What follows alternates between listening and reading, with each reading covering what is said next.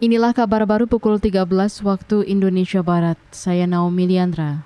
Presiden Joko Widodo hari ini meninjau pelepasan ekspor mobil ke sejumlah negara. Diketahui pelabuhan Patimban mulai mengekspor kendaraan pada 17 Desember lalu. Hingga kini ekspor kendaraan secara utuh atau CBU sudah mencapai 24 ribu unit.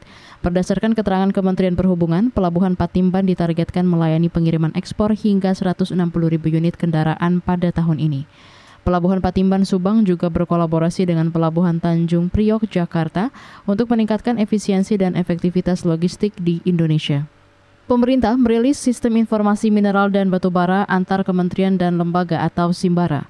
Selain itu dilakukan juga penandatanganan nota kesepahaman sistem terintegrasi dari kegiatan usaha hulu migas.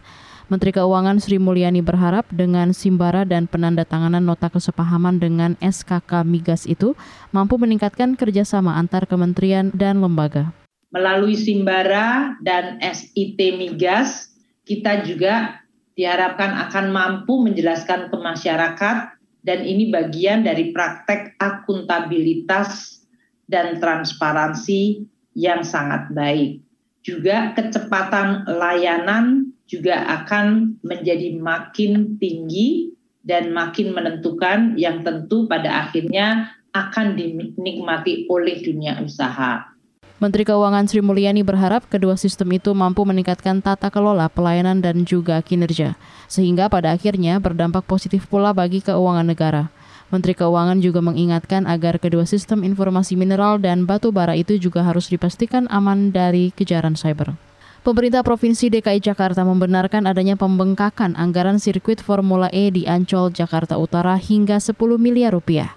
Wakil Gubernur DKI Jakarta Ahmad Riza Patria mengatakan, anggaran sebelumnya sebesar 50 miliar rupiah tidak cukup untuk pembangunan sirkuit mobil listrik dengan kualitas permanen. Hal ini tanggung jawab Japro untuk memastikan sebaik mungkin memenuhi syarat dan standar yang diminta. Ya insya Allah. Kalau budget nanti silakan detailnya ditanyakan ke Jakpro ya. Kalau progresnya kan sudah mulai pengaspalan ya. Insya Allah selesai sesuai dengan jadwal. Itu tadi Wakil Gubernur DKI Jakarta Ahmad Riza Patria. Sebelumnya PT Jakarta Properindo telah menganggarkan 50 miliar rupiah untuk pembangunan sirkuit mobil listrik Formula E di Ancol, Jakarta Utara. Dalam laman resmi Jakpro tercantum nilai harga perkiraan sendiri sebesar lebih 50 miliar rupiah. Penambahan anggaran itu digunakan seluruhnya untuk pembangunan trek lintasan balap sepanjang 2,4 km tersebut. Saudara, demikian kabar baru KBR. Saya Naomi Liandra, undur diri.